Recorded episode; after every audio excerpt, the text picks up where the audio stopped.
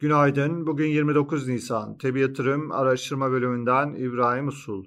Küresel piyasaların haftanın son işlem gününe genelde pozitif tarafta başladığını görüyoruz. Amerikan endekslerindeki dünkü yukarı hareketin güçlü gelen bilançoların risk iştahını olumlu etkilediği görülüyor. Asya tarafında Çin'den beklenen yeni ekonomik teşviklerin de olumlu yansımaları sürüyor. Bu sabah Asya borsaları genelde pozitif seyir izliyor. Japonya bugün kapalı olacak.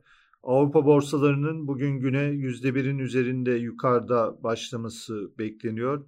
Dün Nisan ayının en iyi yükselişlerinden birini yapan Amerikan endekslerinin ise bugün güne başlarken vadeli tarafta hafif aşağıda bir seyir izlediğini takip ediyoruz. FED toplantısı yaklaşırken dolar endeksinde son bir haftadır hızlanan yükseliş eğilimi devam ediyor.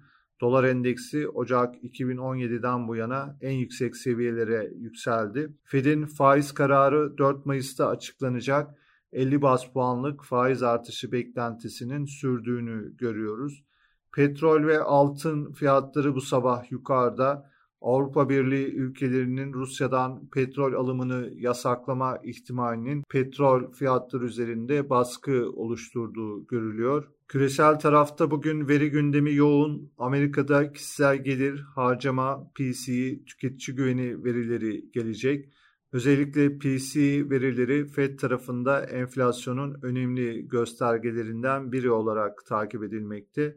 Euro bölgesinde tüfe rakamları ve birinci çeyrek büyüme verileri bulunuyor. İçeride dış ticaret ve PMI rakamları önemli olacak.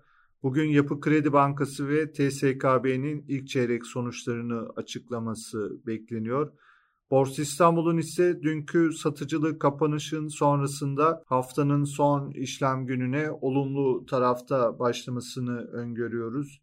Endekste 2640 seviyelerini ana direnç olarak izlemeye devam ediyoruz. Bu seviyeye doğru yukarı eğilimin teknik olarak sürmesi beklenebilir. Bugünkü ilk önemli desteğimiz 2435 seviyesinde. Diğer önemli bir desteğimiz 2406 seviyesinde bulunuyor.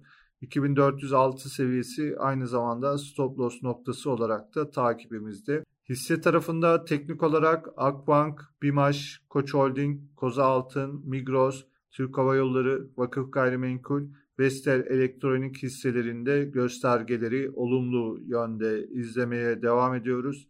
Piyasaları değerlendirmeye devam edeceğiz. Teb yatırım olarak herkese iyi bir gün diliyoruz.